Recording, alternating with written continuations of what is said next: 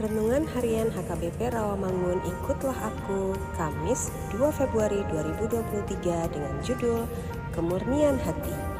Bacaan kita pagi ini tertulis dalam 1 Korintus 7 ayat 1 sampai 7 dan bacaan kita malam ini tertulis dalam Wahyu 15 ayat 1 sampai 4. Dan kebenaran firman yang menjadi ayat renungan kita hari ini ialah Matius 5 ayat 8 yang berbunyi Berbahagialah orang yang suci hatinya karena mereka akan melihat Allah. Demikian firman Tuhan. Sahabat ikutlah aku yang dikasihi oleh Tuhan Yesus. Secara umum orang senang dan suka untuk melihat hal-hal yang indah dan menakjubkan. Dengan melihat hal tersebut, orang akan takjub terheran bahkan sering sekali hingga memperdengarkan decak kagum ataupun air mata terharu.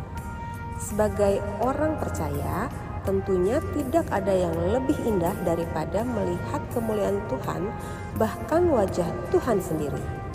Melihat kemuliaan Tuhan dimulai dari merasakan kemuliaan Tuhan dalam diri sendiri dan kemudian digenapi dalam kehidupan kelak.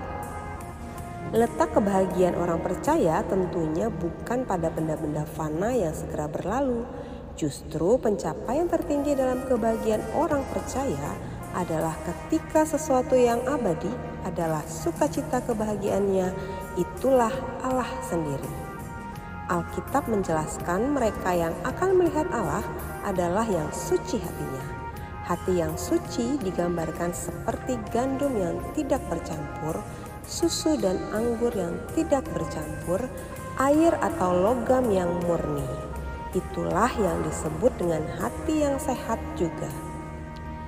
Sebagaimana gandum murni atau logam murni menjalani proses pemurnian, demikian hati yang sehat atau suci harus mengalami pemurnian melalui ragam hal. Pemazmur berkata bahwa sejak dari lahir, manusia sudah dilahirkan dalam dosa dan tabiat kedagingan kita adalah berdosa.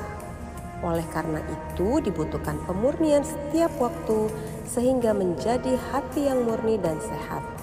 Hati yang suci yang tidak lagi melekatkan keinginan dan kebahagiaan pada hal-hal duniawi yang mengecewakan.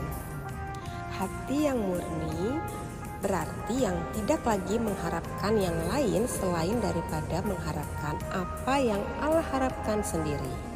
Maukah kita menjalani pemurnian hati kita bersama Kristus? Amin. Mari kita berdoa. Berikanlah aku kesetiaan dan kekuatan menerima dan menjalani semua proses yang terjadi atas seizin Tuhan dalam hidupku. Amin.